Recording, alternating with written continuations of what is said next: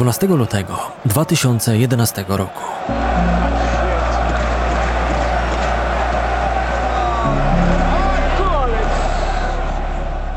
Na stadionie Old Trafford trwają właśnie derby Manchesteru. Na zegarze świetlnym dochodzi 78 minuta spotkania. Obok widnieje wynik 1-1. Paul Scholes dostaje piłkę jakieś 40 metrów od bramki strzeżonej przez Joe Harta. Rozgląda się i dostrzega stojącego samotnie na prawej flance na niego. Portugalczyk otrzymuje futbolówkę i chwilę później posyła dośrodkowanie w pole karne The Citizens. Czyhający na podanie Wayne Rooney dostrzega jednak, że kopnięta przez kolegę z zespołu piłka wyląduje za jego plecami. Łaza podejmuje natychmiastową decyzję. Odwraca się i postanawia uderzyć przewrotką.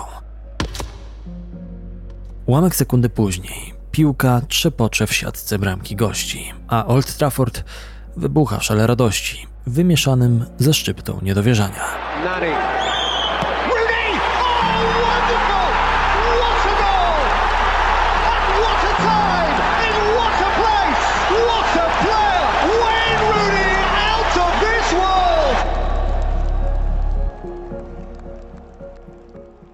Wszyscy fani piłki nożnej, którzy tego dnia zwrócili swój wzrok na Old Trafford, byli świadkami jednej z najpiękniejszych bramek w historii Premier League.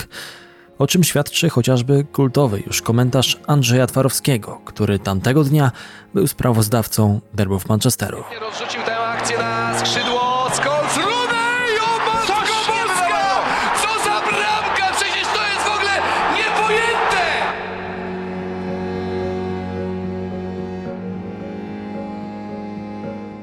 Chociaż gol strzelony ekipie rywala z zamiedzy nie decydował o żadnym trofeum, wielu fanów zapytanych o pierwszą myśl przychodzącą im do głowy na pytanie o Wayne'a Rooneya wymieniłoby właśnie to przecudowne trafienie. A przecież rudowłosy napastnik przez lata zachwycał kibiców piłki nożnej swoimi nieprzeciętnymi umiejętnościami. Zdobywając przy okazji pięć mistrzostw Anglii, FA Cup, Puchar Ligi Mistrzów czy trofeum za zwycięstwo w Lidze Europy. Byłoby też w czym wybierać, jeśli chodzi o gole, bo Rooney zdobył ich w swojej karierze grubo ponad 300.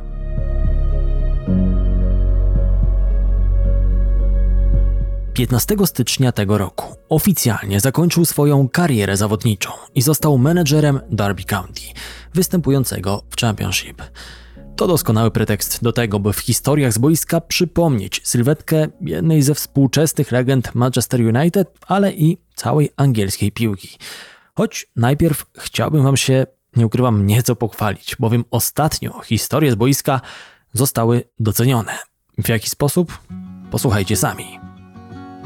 E, tak, szukaliśmy takiego głosu, którego będzie się chciało słuchać i znaleźliśmy taki głos. Za magnetyzującą osobowość, bez której w mediach nie ma szansy na sukces. Otrzymuje tę nagrodę e, magnetyzującej osobowości Konrad Szymański. Historię z boiska. Konrad Szymański, historię z boiska. No cóż, tak jak słyszeliście, Gala Podcast roku 2021 i wyróżnienie w kategorii magnetyzująca osobowość.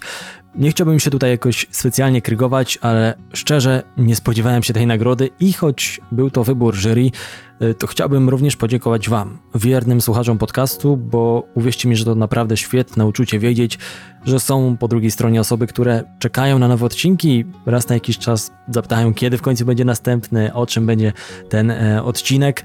Co do samej gali, zapraszam Was na mojego Instagrama, tam wrzuciłem chociażby zdjęcia z tego wydarzenia, ale ogólnie, jeżeli macie jakieś pytania, groźby, zażalenia, szantaże, to zachęcam do kontaktowania się ze mną za pośrednictwem Instagrama, zawsze staram się e, odpisywać, a tymczasem przechodzimy do bohatera dzisiejszego odcinka.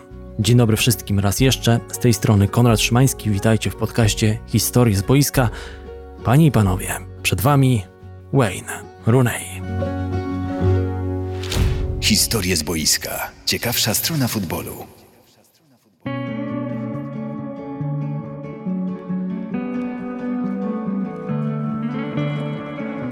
24 października 1985 roku. To właśnie tego dnia przyszedł na świat nasz dzisiejszy bohater. Chociaż Łaza, jak zwykło się nazywać go w Anglii, najbardziej kojarzony jest z czerwonym trykotem Red Devils, to zapewne wielu z Was wie, że miejscem urodzenia angielskiego napastnika jest Liverpool, a dokładniej dzielnica Croxteth na przedmieściach tego portowego miasta.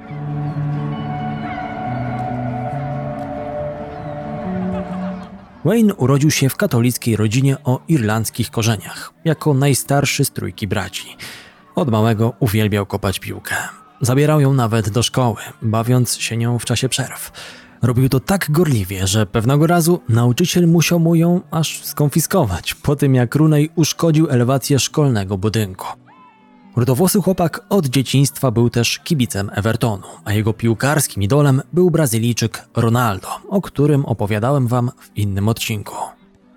Grając jeszcze w lokalnych ekipach juniorskich, potrafił zakończyć sezon z wynikiem 99 goli na koncie. Tak uzdolniony młody napastnik nie mógł ujść uwadze możniejszych zespołów. Jako pierwszy wypatrzył go Bob Pendleton, scout pracujący dla Evertonu, któremu kibicował obserwowany przez niego malec.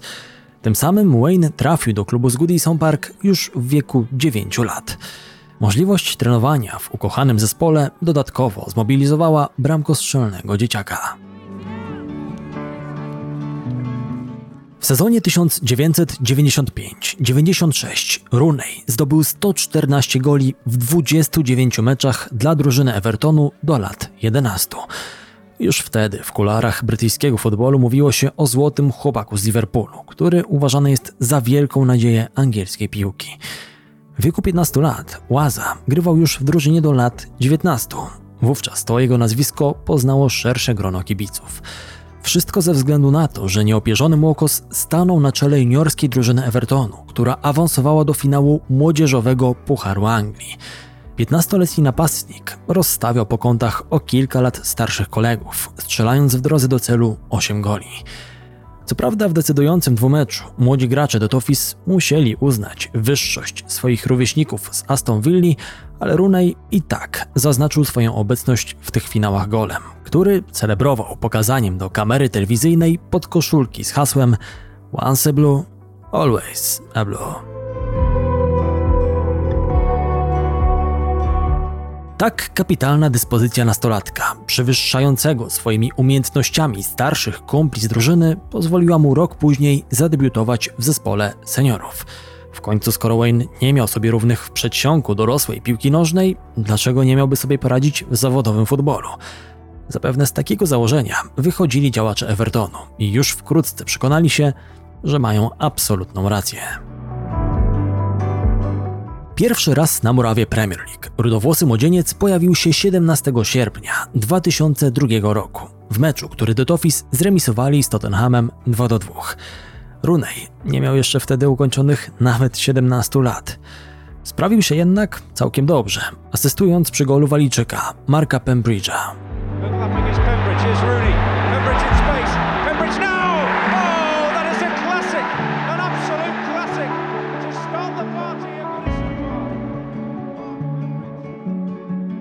Na swoje premierowe trafienie musiał jednak jeszcze poczekać dwa miesiące. Zapamiętajcie to imię. Wayne Rooney. Krzyczał brytyjski komentator w 90 minucie spotkania pomiędzy Evertonem a Arsenalem, gdy krępy napastnik posłał bombę z zapola karnego, która odbiła się jeszcze od poprzeczki bramki kanonierów, by ostatecznie wylądować w siatce prostokąta strzeżonego przez Davida Simana.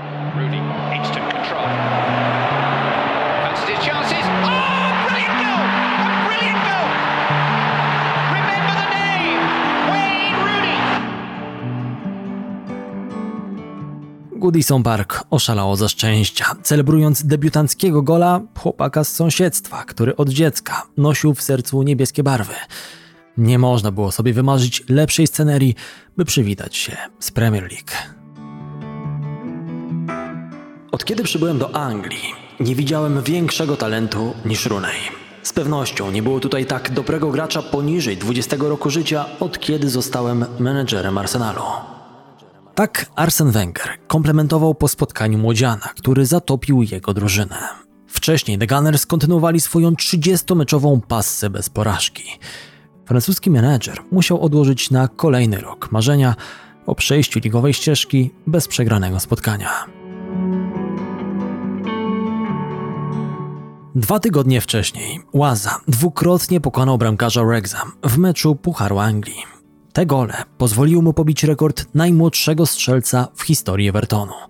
Niebawem podpisał swój pierwszy w pełni profesjonalny kontrakt z klubem. Ostatecznie sezon 2002-2003 Wayne zakończył z bilansem 33 ligowych meczów i 6 goli. Do kolejnej kampanii nie przystępował już jako anonimowy nastolatek, lecz jako największy talent angielskiej piłki, brylujący we wszystkich zestawieniach klasyfikujących najzdolniejszych wonderkidów na całym globie. Jeszcze w 2003 roku zaliczył swój pierwszy występ w seniorskiej reprezentacji Anglii, stając się najmłodszym graczem, który tego dokonał. Rekord ten jakiś czas później został pobity przez Theo Walcotta. Podchody pod gracza Evertonu czynili również przedstawiciele Federacji Irlandzkiej, ale Wayne szybko ukrócił ich starania, stwierdzając, że czuje się stuprocentowym Anglikiem. Nigdy nie myślałem o grze dla Irlandii. Urodziłem się w Anglii i jestem Anglikiem. Gdy grałem dla Evertonu, Lee Carsley pytał mnie o to w imieniu selekcjonera, Mika McCarthy'ego. Ale ja nigdy się nie zastanawiałem. Mam irlandzkich dziadków, ale zawsze byłem pewien wyboru.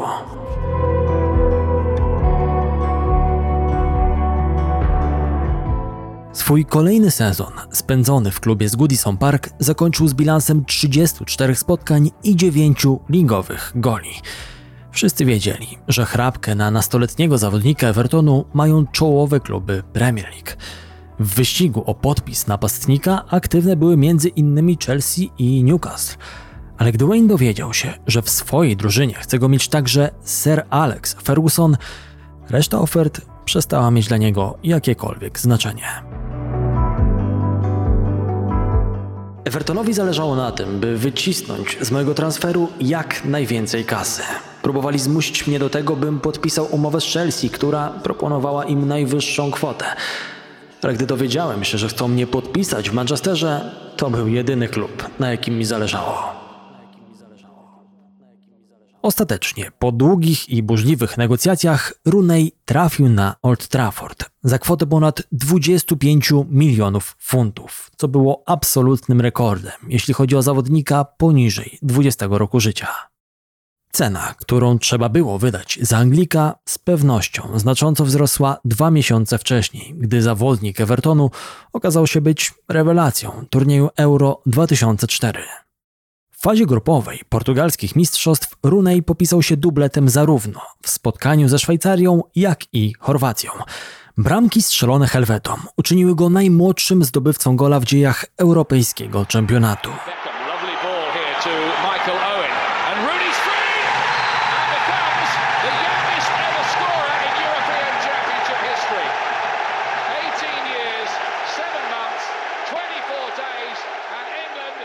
Rekord ten dzierżył jednak zaledwie przez 4 dni, by stracić go na rzecz Szwajcara Johanna von Lantena. Synowie Albionu zakończyli swój udział w Mistrzostwach Europy już w ćwierćfinale, po porażce z Portugalią w konkursie jedenastek. Na domiar złego, Wayne doznał w tym meczu kontuzji. Na pocieszenie został mu tytuł wicekróla strzelców turnieju i wybór do najlepszej drużyny mistrzostw. 28 września 2004 roku.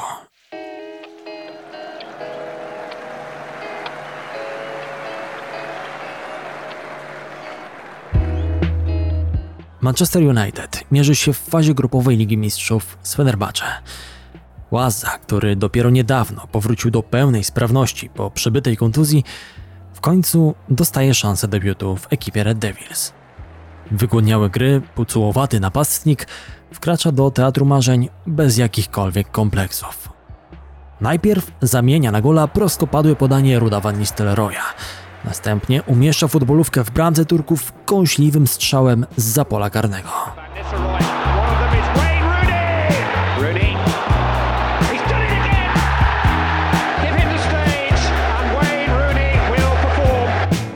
Hat-tricka kompletuje precyzyjnym uderzeniem z rzutu wolnego.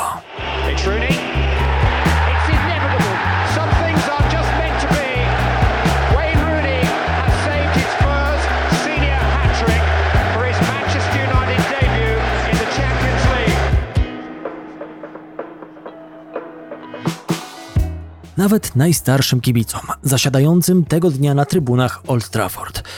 Ciężko przypomnieć sobie tak przebojowy debiut nowego gracza United. A przecież ten młodzian miał wciąż zaledwie 18 lat. Urzekająca bezczelność, jednakże, parafrazując kultowy film Casablanca, to był dopiero początek pięknej znajomości. I think this is the beginning of a beautiful friendship. Mimo to pierwszy sezon Runeya w United ciężko uznać za szczególnie udany. Czerwone Diabły zakończyły kampanię 2004-2005 bez jakiegokolwiek trofeum na koncie. Waza był jednak najlepszym strzelcem zespołu, zdobywając chociażby drugiego gola w słynnym zwycięskim klasyku z Arsenalem, kiedy to United przerwali 49-meczową passę niepokonanych kanonierów, czy popisując się atomowym wolejem w starciu z Newcastle. First half. Now then, here's Rooney. Oh my goodness me! That is one of the strikes of the season.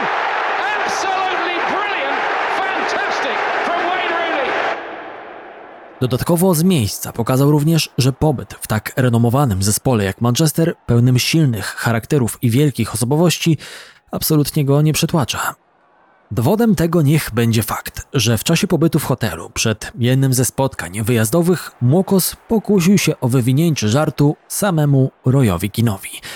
Gdy Irlandczyk na chwilę opuścił swój pokój, Łaza najpierw zmienił mu kanał telewizyjny, przełączając transmisję meczu rugby na jakieś podrzędne talent show, a następnie dokładnie ukrył pilot od telewizora. Cóż, niebywała odwaga. Historie z boiska. Ciekawsza strona futbolu.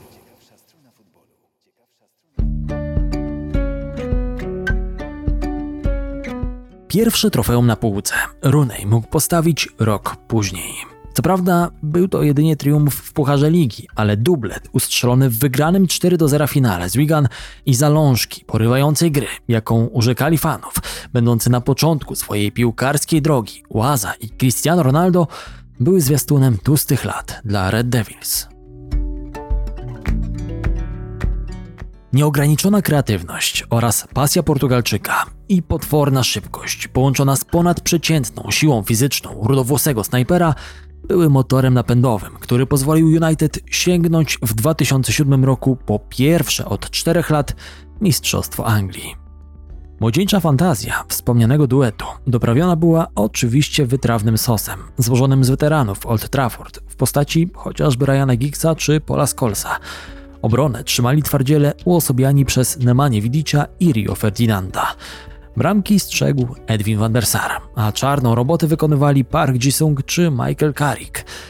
Jednakże to wychowanek Evertonu stawał się powoli największym bożyszczem etatowych kibiców Teatru Marzeń.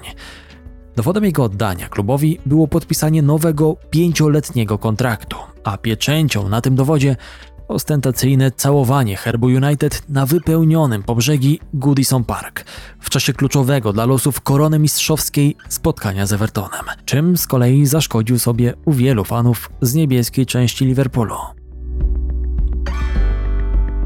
Apogeum formy United był sezon 2007-2008, który Wayne rozpoczął już ze swoim ulubionym numerem 10 na plecach, przyjętym od Ruda Van Nistelrooya, po tym jak Holender, skłócony z zarządem, rok wcześniej opuścił Old Trafford i przeniósł się do Realu Madryt. W jego zastępstwie do duetu Rooney Ronaldo dołączył Argentyńczyk Carlos Tevez, o którym Rooney w przyszłości powie, że był najlepszym napastnikiem, z jakim mógł kiedykolwiek zagrać w jednej drużynie.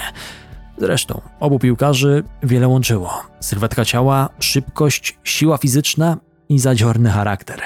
Manchesterski walec rozjeżdżał kolejnych rywali, którzy próbowali mu stanąć na drodze, a młode, ofensywne trio drużyny Sir Alexa Fergusona popisało się zdobyciem 79 goli na przestrzeni całego sezonu.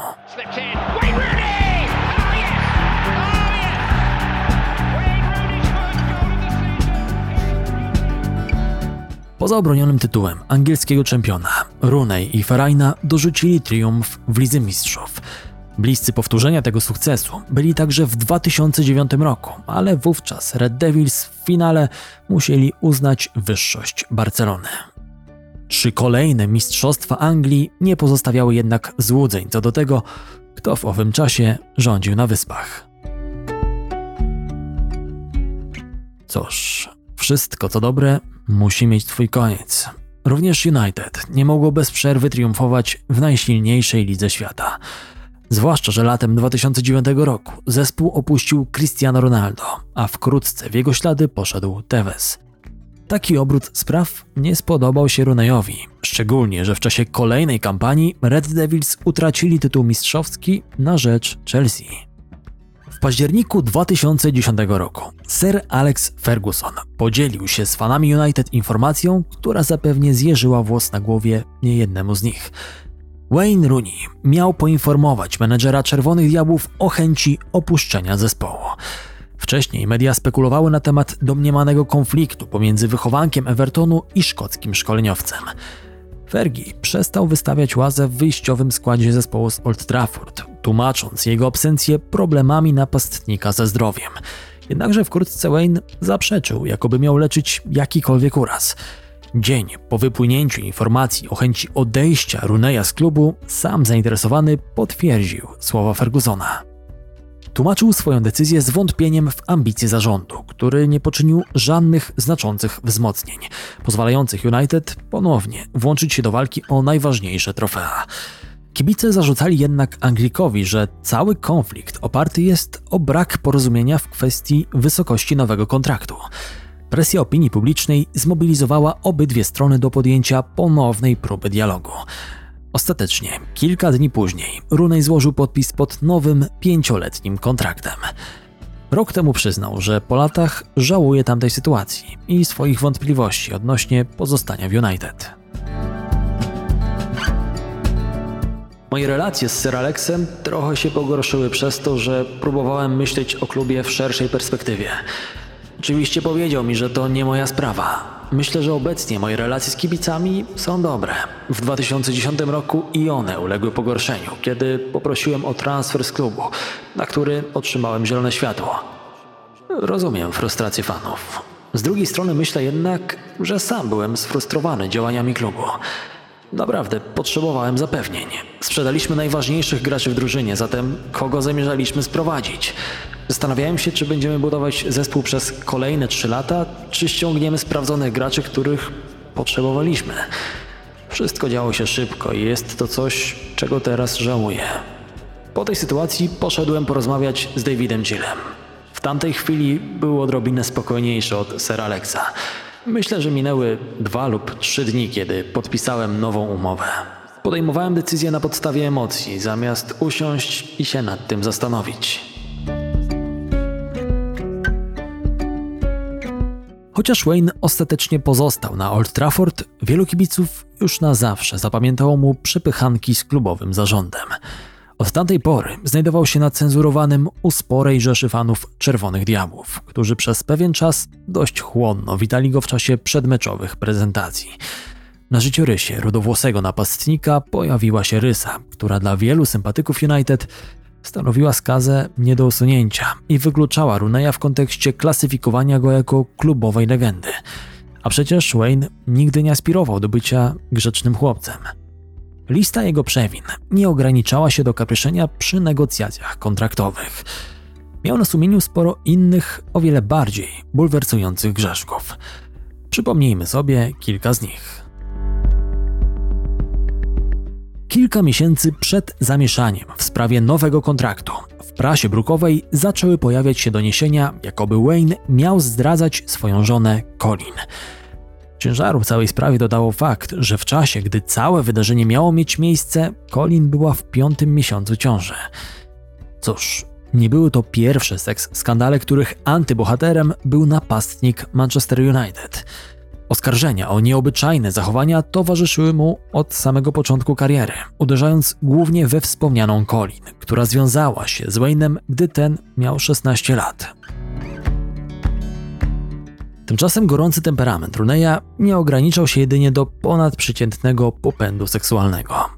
Wayne rozładowywał nadmiar energii również na inne sposoby. Dość powiedzieć, że poza piłką nożną ulubionymi sportami angielskiego piłkarza są rugby i boks, czyli dyscypliny kojarzące nam się raczej z mężczyznami nie narzekającymi na niedobór testosteronu. Szczególnie szermierka na pięści zajmuje specjalne miejsce w sercu Runeya. Zapewne dlatego, że boks trenowali również ojciec i wujek napastnika. Grając jeszcze w juniorskim zespole Evertonu, Wayne często po treningach biegał do gymu, prowadzonego przez wspomnianego wujka, by pouderzać w worek i wyrzucić z siebie wszystkie złe emocje.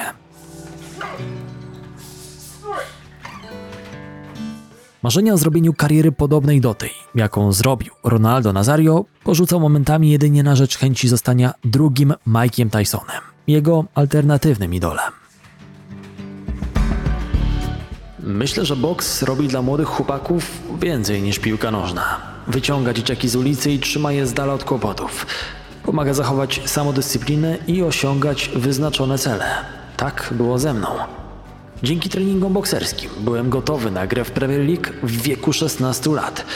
Przygotowałem mnie na to fizycznie, inaczej nie dałbym rady. Dzięki temu mogłem się mierzyć z takimi obrońcami jak Martin Guillaume czy Sol Campbell. Opowiadał Rooney w podcaście No Passion, No Point, prowadzonym przez promotora bokserskiego Ediego Herna.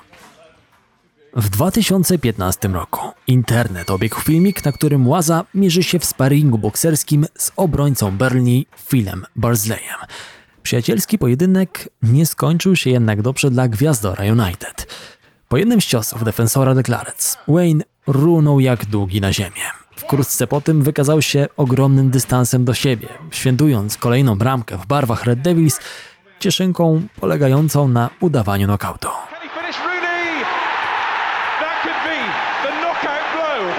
Celebration there was terrific. It was a boxing celebration. Więcej kontrowersji Wayne wzbudził kilka lat wcześniej, gdy asystował bokserowi Rickiemu Hattonowi, wnosząc jeden z jego pasów mistrzowskich na ring przed walką z Meksykaninem José Luisem Castillo. Problem polegał na tym, że Hatton był zadeklarowanym fanem Manchesteru City. Angielski bokser wyjaśnił jednak po walce wszelkie niedomówienia. Nikt nienawidzi Manchester United bardziej ode mnie, ale to, że im nie kibicuję, nie oznacza, że nie mogę podziwiać tego, co robi Wayne. Wróćmy jednak do stricte piłkarskich perypetii Runeya. Sezon 2010-2011 nie rozpoczął się dla niego dobrze. W wakacje wybuchł wspomniany skandal obyczajowy z udziałem jego i brytyjskich celebrytek. Dwa miesiące później mieliśmy feralne oświadczenie Sir Alexa Fergusona, który dodatkowo wciąż odsuwał go od składu. W końcu, gdy Rooney wyprostował swoją sytuację w klubie, to nie dość, że musiał się zmagać z oziębłością własnych kibiców, to w dodatku jego celownik nie był zbyt dokładnie nastawiony i nie dawał swojemu zespołowi tyle, ile sam by chciał.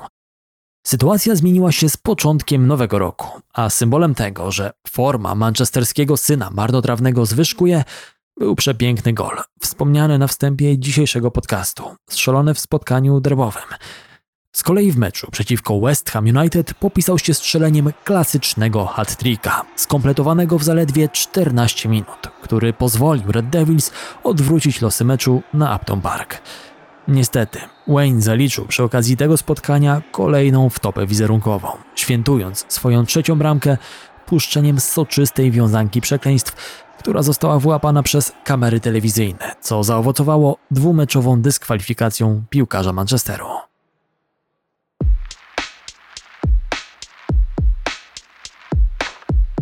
Rok 2011.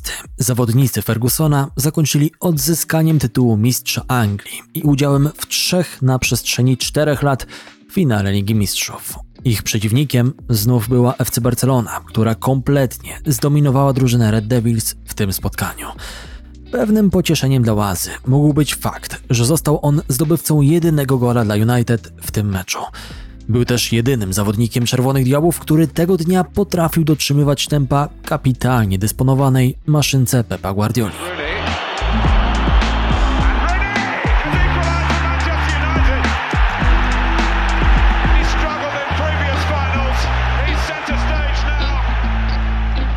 Całkiem niedawno Rooney skrytykował na łamach Sunday Times Sir Alexa Fergusona za dobranie nieodpowiedniej taktyki na przegrane finały Ligi Mistrzów z 2009 i 2011 roku. Dla takiego klubu jak Real Madryt zawsze trudno jest powiedzieć coś w stylu, że porzucamy piłkę. Tak samo jest w przypadku Manchester United. Przegraliśmy dwa finały Ligi Mistrzów z Barceloną Pepa Guardioli. Próbowaliśmy zakładać na nich bardzo wysoki pressing, co było samobójstwem. Pamiętam jak Alex Ferguson mówił do nas, że jesteśmy Manchester United i będziemy atakować, bo taka jest kultura tego klubu. Pomyślałem sobie wówczas, że nie podoba mi się ten pomysł. Wydaje mi się, że w głębi każdy z nas wiedział, że nie było to odpowiednie podejście. Że porzuciliśmy sposób, który przyniósł nam sukces w 2008 roku. W obu przypadkach już przed spotkaniem wiedzieliśmy, że zostaniemy pokonani. Pozostaliśmy wierni klubowi, ale po wszystkim musieliśmy przyznać, że ponieśliśmy porażkę. Relacje na linii Runej-Fergi często bywały napięte, ale do tego tematu jeszcze powrócę. Warto jednak dodać, że zdanie Runeya podziela Rio Ferdinand, który wypowiadał się w podobnym tonie o omawianej przez Łazę sprawie. Koszmary minionego lata powoli odchodziły w zapomnienie, a Wayne znów wyrastał na kluczowego piłkarza ekipy z Old Trafford. Problem w tym, że w Manchesterze, pod samym nosem United, wyrastał niesamowicie silny przeciwnik, który już wkrótce miał zepchnąć w cień swojego bardziej utytułowanego rywala. Potwierdzeniem obu tych tez był sezon 2011-12. Wówczas to angielski napastnik popisał się wypracowaniem swojego najlepszego indywidualnego dorobku bramkowego w karierze, kończąc sezon Premier League z 27 golami na koncie. Ten imponujący wynik i tak nie pozwolił mu na sięgnięcie po koronę króla strzelców Ligi Angielskiej. O trzy gole więcej zdobył wówczas Robin van Persie, a owe indywidualne wyróżnienie na zawsze pozostało w sferze marzeń Runeya, który nigdy nie zdołał po nie sięgnąć. Jednakże nie to było najgorsze.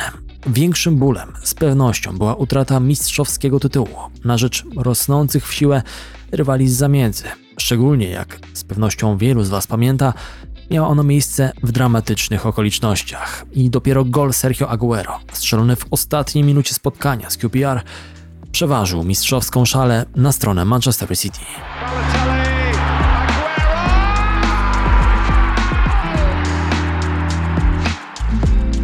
Co prawda, utracone trofeum udało się odzyskać Czerwonym Diabłom w kolejnym sezonie, ale rola Runeya w drużynie znacząco spadła po przeprowadzce Robina Van Persiego na Old Trafford. Holender stał się podstawowym bombardierem ekipy Sir Alexa Fergusona już w swoim pierwszym roku spędzonym w klubie założył na głowę koronę króla strzelców.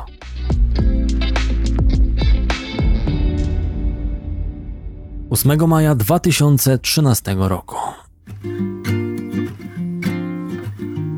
Tego dnia na czerwoną część Manchesteru spadła prawdziwa bomba informacyjna. Sir Alex Ferguson postanowił rozstać się z klubem po 26 sezonach spędzonych w ekipie z Old Trafford. Czerwone Diabły mogły się w tym momencie poczuć jak dziecko osierocone przez rodziców. Tak samo mógł poczuć się Wayne Rooney, który przez ostatnie 9 lat stanowił główny filar projektu Fergiego.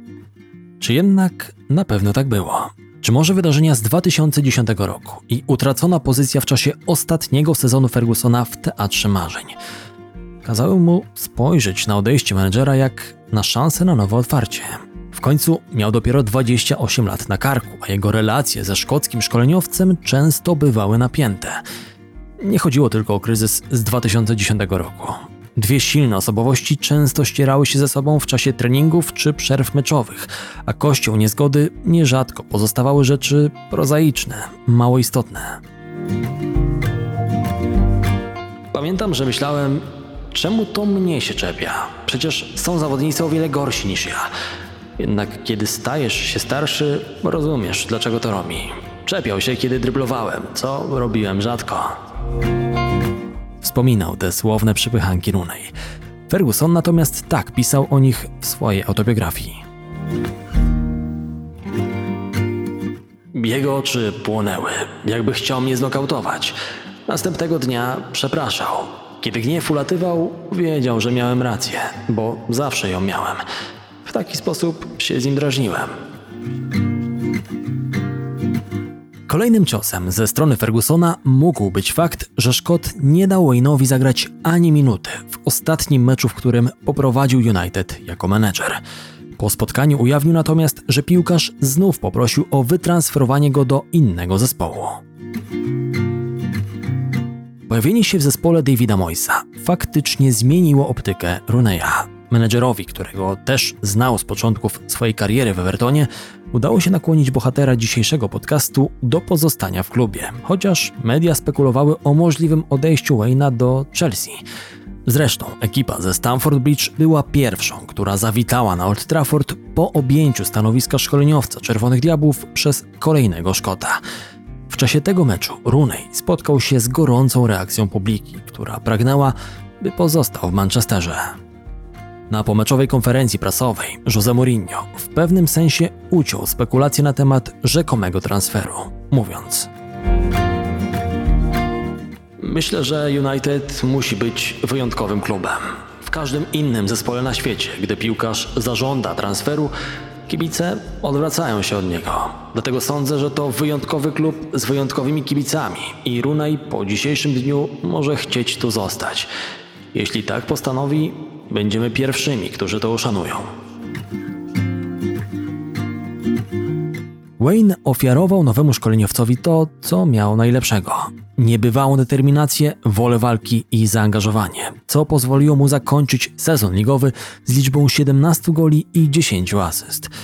Jednakże Czerwone Diabły pod wodzą Moisa nie spisywały się na miarę oczekiwań, finiszując na siódmym miejscu w tabeli, które wyrzuciło ich poza nawias dający awans do europejskich pucharów.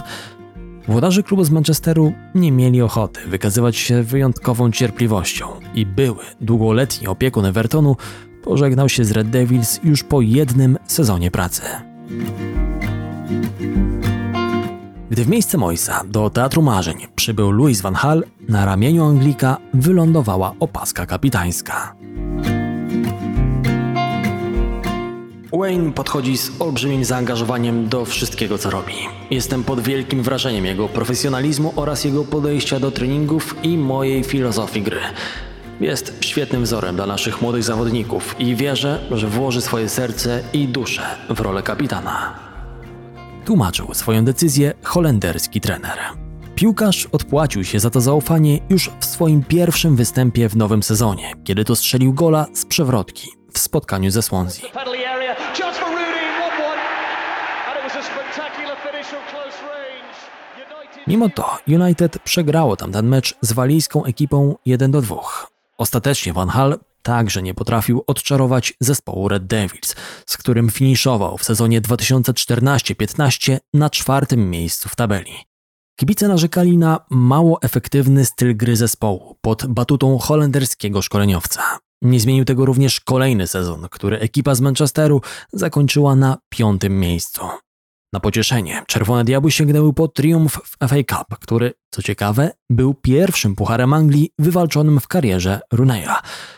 To było jednak za mało, by Van Hal uratował swoją posadę. United pogrążyli się w marazmie po odejściu Sir Alexa Fergusona i nikt nie potrafił znaleźć recepty na odmienienie tego stanu rzeczy.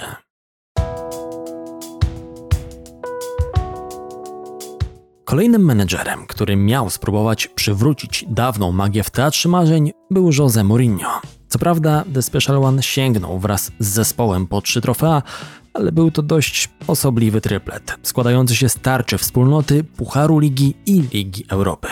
Na znaczeniu tracił również Sam Rooney, który zdawał się oferować coraz mniej swojemu długoletniemu klubowi. Wielu kibiców zaczęło się wówczas zastanawiać, czy angielskiego gwiazdora nie dopada syndrom wczesnego wypalenia, spowodowany tym, że trenerzy zaczęli go po prostu mocno eksploatować już jako nastolatka. Łazza sezon ligowy 2016-17 zakończył z pięcioma golami na koncie.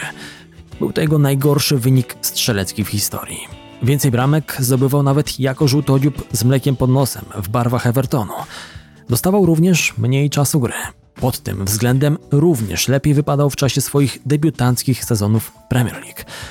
Sam zawodnik czuł, że jego czas na Old Trafford dobiega powoli końca. Nie chcąc skazywać się na powolne dogorywanie i stawanie się piłkarzem drugiego szeregu w barwach United, krótko po zwycięskim finale Ligi Europy, w którym pokonali Ajax, ogłosił, że był to jego ostatni sezon w barwach Manchester United. Tym razem jednak nie było to tylko czcze gadanie i jakaś próba ratowania swojej pozycji w zespole poprzez wywieranie presji. Grałem dla dwóch klubów w Premier League i to jedyne dwa kluby w Anglii, dla których mógłbym występować. Propozycji jest dużo. Są z Anglii z zagranicy. Teraz wybór należy do mnie. Najważniejsza jest dla mnie przyszłość mojej rodziny. To pod tym względem będę wybierał, jak z nimi porozmawiam. Jose Mourinho chciałby, żebym został, jednak zależy mi na grze. Wierzę, że jestem w stanie rozegrać pełny sezon Premier League i grać w każdym meczu.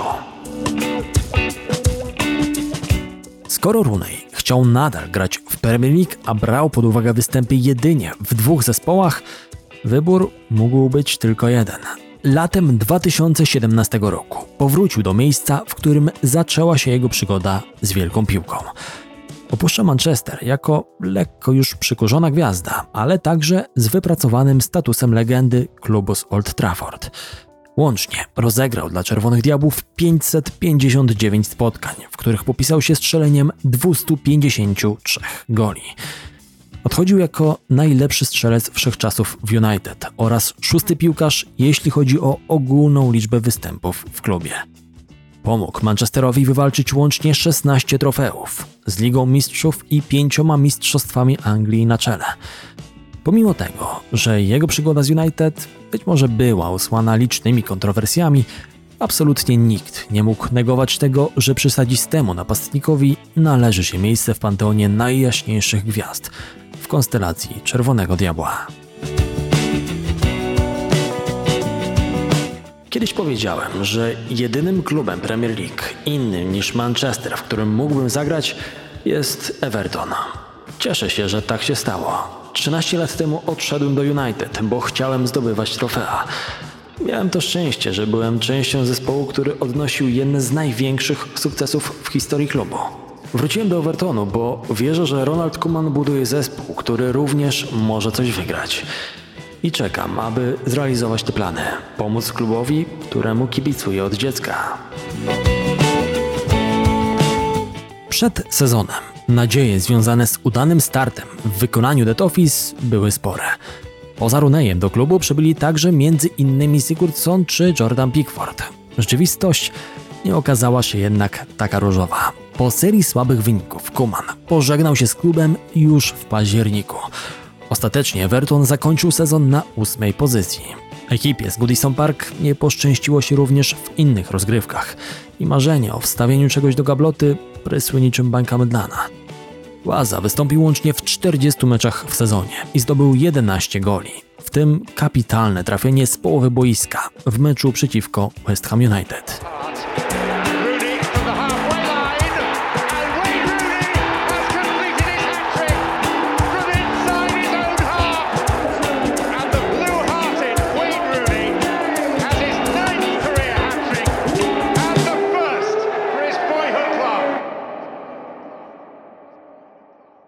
W międzyczasie zdołał jednak nabroić, kiedy to został przyłapany przez policję na jeździe samochodem pod wpływem alkoholu, za co otrzymał dwuletni zakaz prowadzenia pojazdów, 100 godzin robót społecznych do odpracowania i 300 tysięcy kary grzywny od klubu. Natomiast złego brukowce donosiły, że Runej nie jechał autem sam, tylko w towarzystwie kolejnej ze swoich kochanek. Historie z boiska. Ciekawsza strona futbolu. W następnym sezonie kibice z niebieskiej części Liverpoolu nie doczekali się występów swojego wychowanka w macierzystym klubie. Po sezonie Rooney postanowił na zawsze pożegnać się z angielską ekstraklasą. Jego licznik zatrzymał się ostatecznie na 491 występach i 208 golach, co daje mu drugie miejsce w klasyfikacji najlepszych strzelców wszechczasów Premier League. Rok 2018 był także datą końcową, jeśli chodzi o występy Wayne'a w reprezentacji narodowej. W koszulce synów Albionu zagrał łącznie 120 razy i ustępuje pod tym względem jedynie legendarnemu golkiperowi, Peterowi Shiltonowi.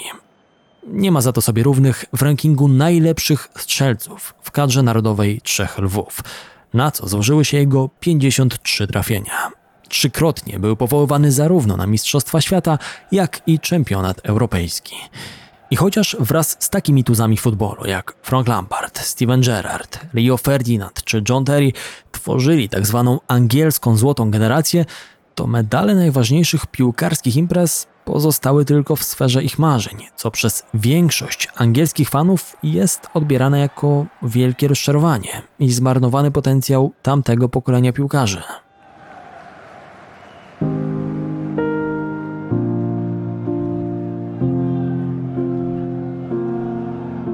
W wakacje 2018 roku postanowił obrać azymut na Amerykę Północną i podpisał 3,5-roczną umowę z występującym w lidze MLS DC United.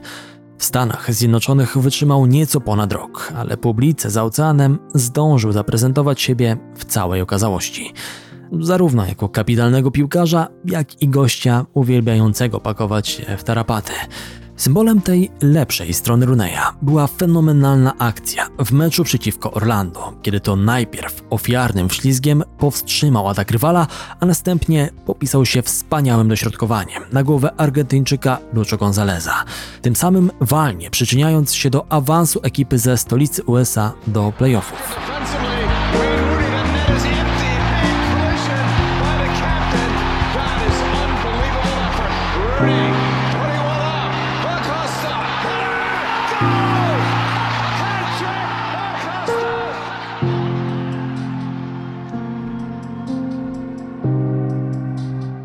Został również wybrany najlepszym piłkarzem DC w całym sezonie i dzierżył opaskę kapitana.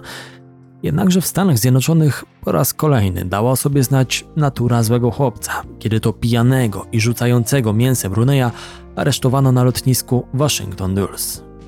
Standardowo tabloidy pisały także o tym, że widywano go w kraju wolności w towarzystwie kobiet, które z pewnością nie były jego żoną Colin. Z perspektywy czasu to głupie, że odwiedzałem kiedyś salony masażu i prostytutki. Teraz bardzo tego żałuję i mam nadzieję, że ludzie zrozumieją, że to były błędy młodości. Zwierzył się niegdyś były piłkarz Manchester United. Cóż, błędy młodości chyba przestają nimi być, gdy powtarza się notorycznie już nawet po trzydziestce.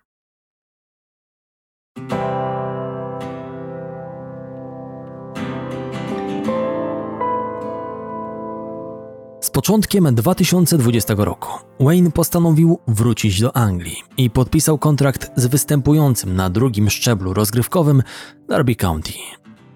W ekipie Baranów Rooney miał również zbierać pierwsze trenerskie szlify jako jeden z asystentów Holendra Filipa Cocu. Jednak chyba sam nie sądził, że los tak szybko pozwoli mu sprawdzić się w roli pierwszego menedżera. Pomimo innych ofert, wiedziałem instynktownie, że Derby County to miejsce dla mnie. To, że mam szansę podążać śladami Briana Clough'a, Jima Smitha, Franka Lamparda i Filipa Cocu jest dla mnie zaszczytem i mogę obiecać każdemu, kto jest częścią klubu, a także wszystkim fanom, że zrobię wszystko, żebyśmy osiągnęli potencjał, którego doświadczyłem przez ostatnie 12 miesięcy w tym historycznym klubie piłkarskim. W listopadzie ubiegłego roku Rooney wraz z innymi asystentami zwolnionego wcześniej z klubu Koku stworzyli sztab, który miał tymczasowo objąć stery w zespole z Derby. Ostatecznie w połowie stycznia to właśnie legenda Premier League została mianowana samodzielnym opiekunem The Rams. W związku z tą nominacją najlepszy strzelec w historii reprezentacji Anglii został poniekąd zmuszony do tego, by trwale odwiesić buty na kołek. Wayne skierował swoje kroki na nową ścieżkę prowadzącą przez świat futbolu. Tym razem będzie starał się dorównać legendzie człowieka, z którym toczył nieustanne potyczki słowne, a zarazem zawdzięcza mu tak piękny rozwój swojej kariery. Do tego, by Rooney Manager, chociaż troszeczkę zbliżył się do sukcesów Sir Alexa Fergusona, dzieli nas droga daleka jak z Ziemi na Marsa. Ale wyroki piłkarskich bogów są niezbadane. Tymczasem z wypiekami na twarzy możemy śledzić, jaki będzie początek trenerskiej przygody Wayne'a. Czy sparzy się jak Frank Lampard na Stamford Bridge, a może odniesie sukces jak Steven Gerrard, który niedawno poprowadził Rangers do pierwszego tytułu mistrza Szkocji od dekady, a teraz dostał szansę w Premier League. A może niczym Solskjaer powróci na Old Trafford w nowej roli. Tego wszystkiego dowiemy się w najbliższych latach. Na ten moment Rooney musi borykać się z ujemnymi punktami w tabeli i prawdopodobnym spadkiem ekipy Derby z Championship. Natomiast jeśli odezwała się w Was nutka nostalgii i żałujecie, że już nigdy więcej nie będzie Wam dane oglądać Runeya w koszulce Czerwonych Diabłów, to wiedzcie, że jeszcze nie wszystko stracone. Pod koniec ubiegłego roku kontrakt ze szkółką Manchester United podpisał 12-letni Kai Rooney. Być może w przyszłości jeszcze raz będzie nam dane usłyszeć pewną ikoniczną już frazę.